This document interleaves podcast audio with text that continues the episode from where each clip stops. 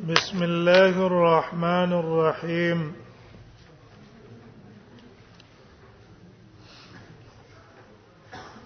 باب في وضوء الرجل والمرأة من إناء واحد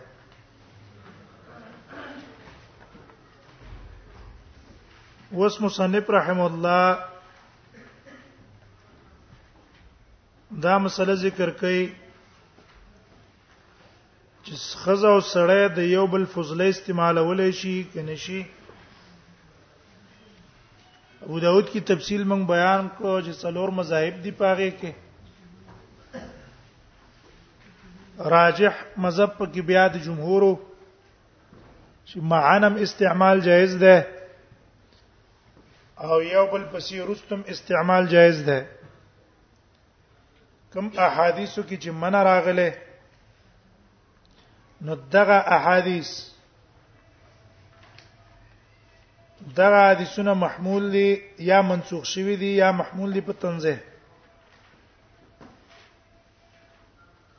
دیوژن امام نووي په شرح د مسلم کې وایي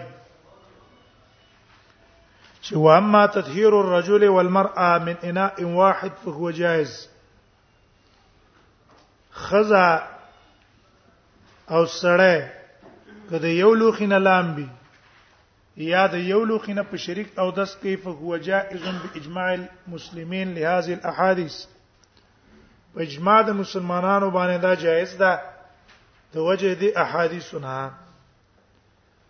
چې عائشه رضی الله عنها او نبی صلی الله علیه وسلم با یو لوخ استعمالو التي في الباب او حافظ ابن حجر وايي امام تحاوی دارنګي امام قرطبي او امام نووي د دیو په دی باندې اتفاق کړی دی على جواز اختصار الرجل واختصال الرجل والمرأه من الاناء الواحد چې د یو لوخي نه کولای شي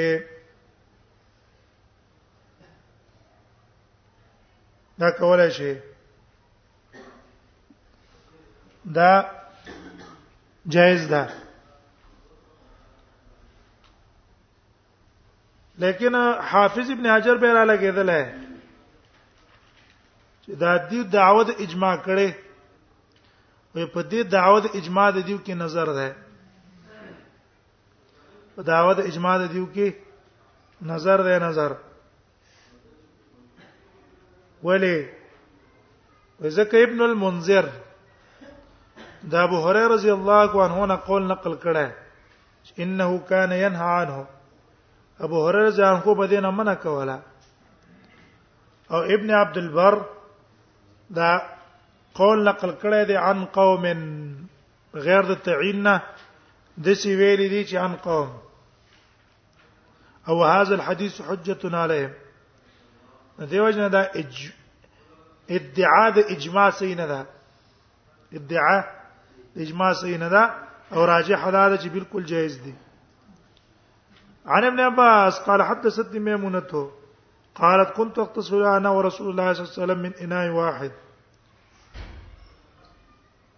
ويلمل بما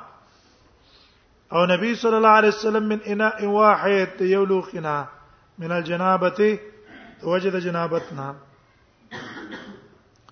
قال ابو سوي هذا حديث حسن صحيح وهو قول عامة الفقهاء او دا د عام فقهاو قول ده د تمام فقهاو قول ده ان الله باس نشتره ګنا پدې کې ان يغتسل الرجل والمرأه من اناء واحد چې ولام بي سړی او خزه د یو لوخینا خیر وفي الباب عن علي په دې باب کې د علي نم روایت نقل ده هغه روایت امام احمد راوړی وعائشه او د عائشه نم نقل ده دارنګ د انس نم نقل ده د عائشه او د انس روایت امام بخاری راوړی نور محدثین هم راوړی و ام هاني او د ام هاني نم روایت نقل ده ام هاني روایت امام نسائی راوړه او و ام صبيه او ام صبيه د دې نم روایت نقل له ابو داود کې ویله چې اختلافت يدي ويد رسول الله صلی الله علیه وسلم من اناء واحد غم راوړل التحاوي وام سلمہ او د ام سلمې نم روایت نقل لای ابن ماجه تحاوی راوړه او ابن عمر نم نقل لای کان الرجال والنساء يتوزعون على عهد رسول الله صلى الله عليه وسلم مالک نسائی ابن ماجه یې ټول راوړه دی وی و ابو الشعصا د سند کې ابو الشعصا ذکر شو انا ابو الشعصا عن ابن عباس ودا ابو الشعصا کنیه ده خپل نوم جابر ابن زید ده ابو الشعصا ابو الشعصا چې د اسمه جابر ابن زید ته د نوم جابر ابن زید ده باب کراهیت فضل طهور المرأه نو زبله مسله ذکر کړي باب دې بیان د کراهیت د استعمال د پاتشوي اوبو او پاتشوي اوبو د او دس او د غسل د خزینه خزه دی ولوخنه اولام بي یا خزا د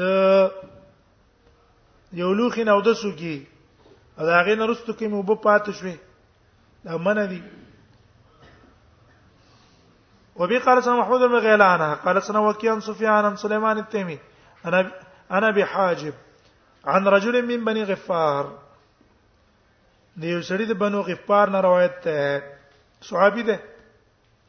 جهالت صحابي مجهول مزر نه ده قال نهى رسول الله صلى الله عليه وسلم من فضل طهور المرأه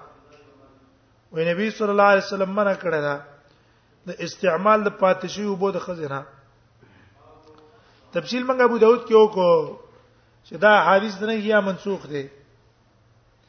یا احادیث د نه محمول دی په تنزیه په تنزیه محمول دی وفي الباب عن عبد الله بن سرجس عبد الله بن سرجس روایت ابن ماجه راوړی قال ابو سعيد وكره بعض بعض الفقهاء الوضوء بعض فقهاء بعض فقهاء بد غړل دي او دس کول به فضل طهور المرأه په پاتې شوی او بو د خزه او هو قول احمد دا قول د امام احمد ابن قدامه په المغني کې وایي اختلافت الروايات عن احمد و امام احمد نه پدې کې په دې باب کې روایتونه مختلف دي والمشهور عنه انه لا يجوز ذلك وي مشهور هغه دا چې دا جایز نه دی اذا خلت به چې کله ځان لوکي دویم روایت دا دی چې يجوز الوضو للرجال والنساء جائز دي خیره هغه روایتونه مختلف امام ترمذی ته مشهور قول نقل کړو و اسحاق کرها فضل طهورها دی بد غنل د استعمال پاتې شوی او دسته دینا ولم يريا بفضل سورها باسها هاک جد هغه دی یو لوخنه وبوس کله او بیا دا جوټه ته استعماله دا جوټه خیره لیکن چې د یو لوخي نه وته سکو او په هغه لوخي کې وب پاتې شوې هغه باندې استعماله جوټه خیره دا باندې استعماله وبي قال سمدر بشار ومحمود بن غيلان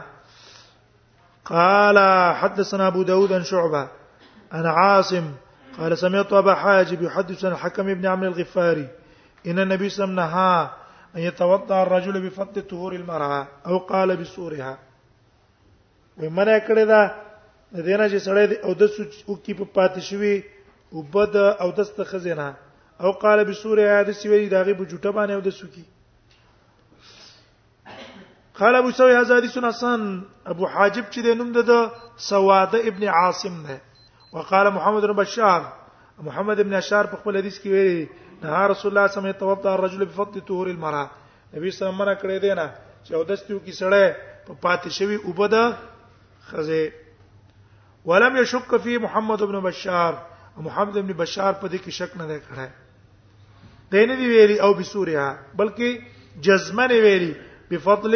طهور المرأه باب رخصت فی ذلک دا رخصت دلیل دی په دې چې امام ترمذی هم قائل دی په شان ته د جمهور د څه د جواز او دا نهي محمول په څه باندې په تنزیه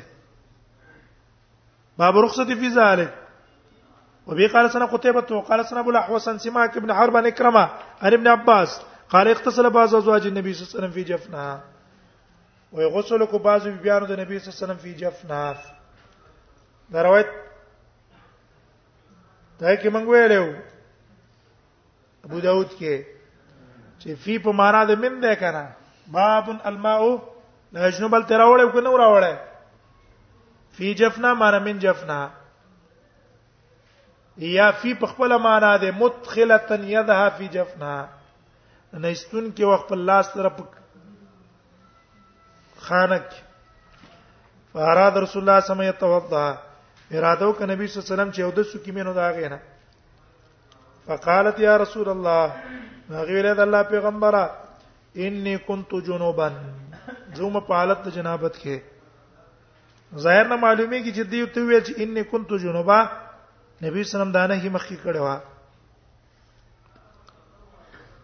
فقال نبی سلام ان الماء لا يجنب وبن پلیتیږي اجنب په معنی لا ينجس اول تا مونږ ویلو چې نبی صلی الله علیه وسلم تعبیر د نجاست نه په جنابت وکړو مشاکلتن د لفظ استعمال کو د جنابت انی کنت جنبا نبی صلی الله علیه وسلم تمقص لفظ استعمال کو چې ان المال یجنب قال ابو ساوي هذا حديث حسن صحيح دا حدیث حسن دی صحیح دی وقول سفيان الثوري ومالك والشافعي دا د دې قولم دی د جمهور قولم دی چې خیر استعمالول شي باو ما جاء ان المال ينجس شيء اوس بیا مصنف رحم الله په مسلې د میاو کې راغې ابو داود کې تفسیری دا مسلې ویلې سره د اختلاف نه نو ان الماء لا ينجس شيء اول ته موږ اختلاف بیان کو چې د مالکیانو د اهل حدیثو مذهب دا دی چې وبو کې نجاست پریوزی او کله کې یو کډېرې وي خو تغییر په احد الاوصاف کې رانه غه پاکي دي او که تغییر په احد الاوصاف کې راغی به ګنده دي او د جمهور علما او مذهب هم بیان کړو دا غي مذهب دا ده چې قلیل او کثیر فرق شته کډیر وی او ګندګي کې پرې وته او تغییر په حد الاوصاف کې رانغه پاکي دي او که لګي وي او ګندګي کې پرې وته لاګر کې تغیر د احد الاوصاف کې نه دی راغلی هم پلیتی دی دا مذهب د امام احمد شافعي امام ابو حنیفه ده به د دې منځ کې اختلاف په قلیل او کثیر کې مونږ به بیان کو امام صاحب قلیل او کثیر رائے د مبتلا به ته ورکړي پاره کې به نزاع وا نو الحوزي الحوز العظیم الحوض العظیم مقدار نو معلوم نو امام محمد مثل مسجد اعظم ویل دی وغه کچ کو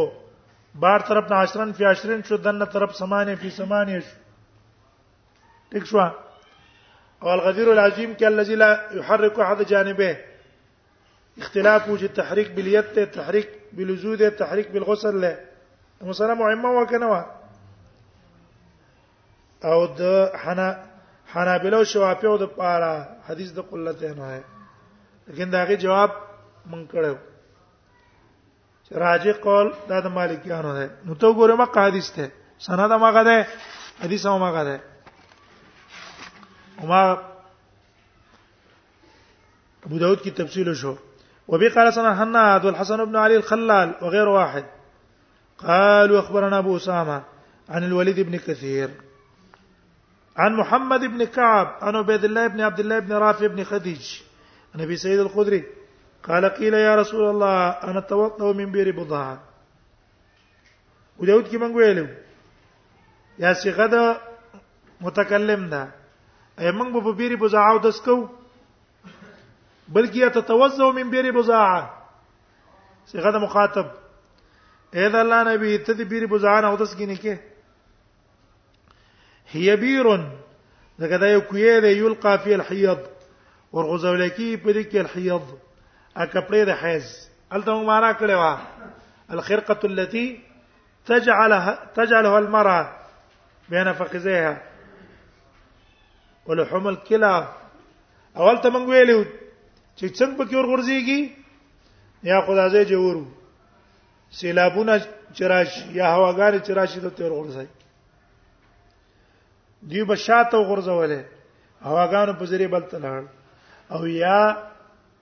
دا پکې منافقانو دا کار کاو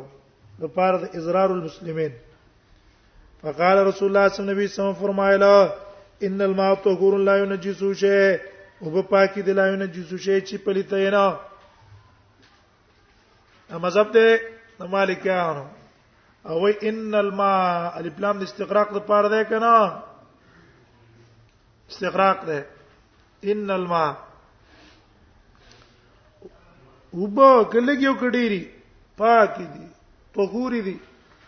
لا ينجس شيء ها لا ينجس شيء دا به په عموم نه ده استثناء شته استثناء حدیث دې د رشدین ابن سعد ابن ماجه نقل کړه الا ما غلب على طعمه او لونه او ريحه اگر که رشدین ابن سعد ضعیف ده لیکن اجماع د علما او تایید کړی ده ټول علما په دې اجماع ده چې په اوبو کې په اوقود نجاست باندې تغییر په احد الاوصاف کې راغې هغه وبلګي او کډيري د پليتي دي دغه اجماع د دې استثناء تایید کړي قال ابو سوي ازادي سنسن وقد جود ابو اسامه هذا الحديث ډېر صحیح طریقه باندې ابو اسامه نقل کړه لم يروا حديث ابي سعيد في بير وزعه نه ده نقل کړی دیو حدیث د ابي سعید په بیره بزا کې احسن مما رواه ابو اسامه اسامه چې څنګه نقل کړی وقدر یا ذل حدیث من غیر وجه نبی سعید په نور طریقوم راغله ابي سعید را په دې باب کې د عبد الله ابن عباس تم روایت نقل لای کوم روایت ان المال یجنم او د عائشینم نقل لای عائشینا چې ما او رسول الله صلی الله علیه وسلم کول یو نو خلم هم لمبل غسل مم کو باب من اخر تبل باب هم د دې متعلق ده چې هغه حدیث د قلتین ده ظاهر د حدیث دلیل ده په دې کې لګي غوند کې وبوي په قود نجاست باندې څه کیږي خپل دیږي ځکه وای باب من اخر حدیث د قلتین ابو داود کې مونږ ویل تفسیری او حدیث د بیر بوزعانه چې کوم حنا په جوابونه کړیو هغه جوابونه مونږ رات کوکو وفي الباب عن ابن عباس باب من اخر حدثنا عن قال سنا عبد التون محمد بن ساق عن محمد بن جعفر بن الزبير عن عبد الله بن عبد الله بن عمر عن ابن عمر قال سمعت رسول الله صلى الله عليه وسلم يسأل ما د نبی صلی الله علیه وسلم د نبی صلی الله علیه وسلم ته پوس کېدل شو ان ما په بار د اوبو کې یکون فی الفلات من الارض چې په بیابان کې د زمکه نه فلات غشړې دشته ته وای وما ينوبه من السباع او چې په نمبر نمبر راځي دي ته من السباع د درندګانو نه او الدواب او عام حیواناتو نه ما ينوبهم ویلي چې راتل